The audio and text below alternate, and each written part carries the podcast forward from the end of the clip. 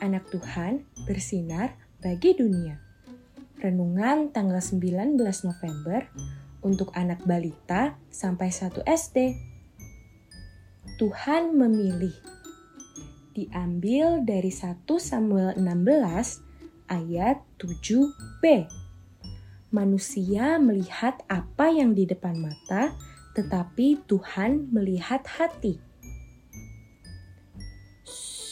Dengar, ada suara. Samuel, Samuel, pergilah menemui Bapak Isai. Suara siapa ya itu?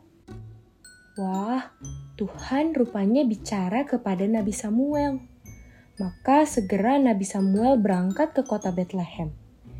Di Bethlehem, Nabi Samuel bertemu dengan Bapak Isai. Ada berapa ya anaknya Bapak Isai? Bapak Isai punya delapan anak laki-laki. Semuanya anak yang sangat kuat.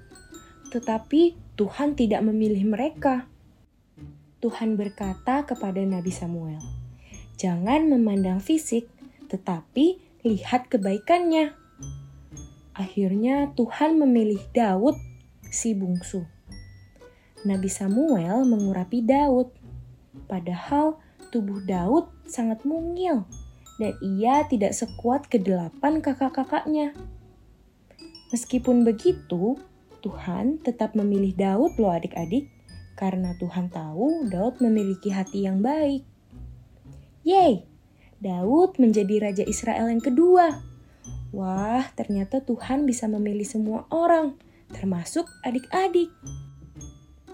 Adik-adik, Tuhan telah memilih kita. Nah, kita dapat selalu berdoa, bersyukur kepada Tuhan karena kita sudah dipilihnya. Sekarang, yuk ajak Mama dan Papa untuk berdoa bersama-sama. Mari kita berdoa. Tuhan Yesus, aku bersyukur karena sudah dipilih oleh Tuhan Yesus. Terima kasih Tuhan Yesus. Amin.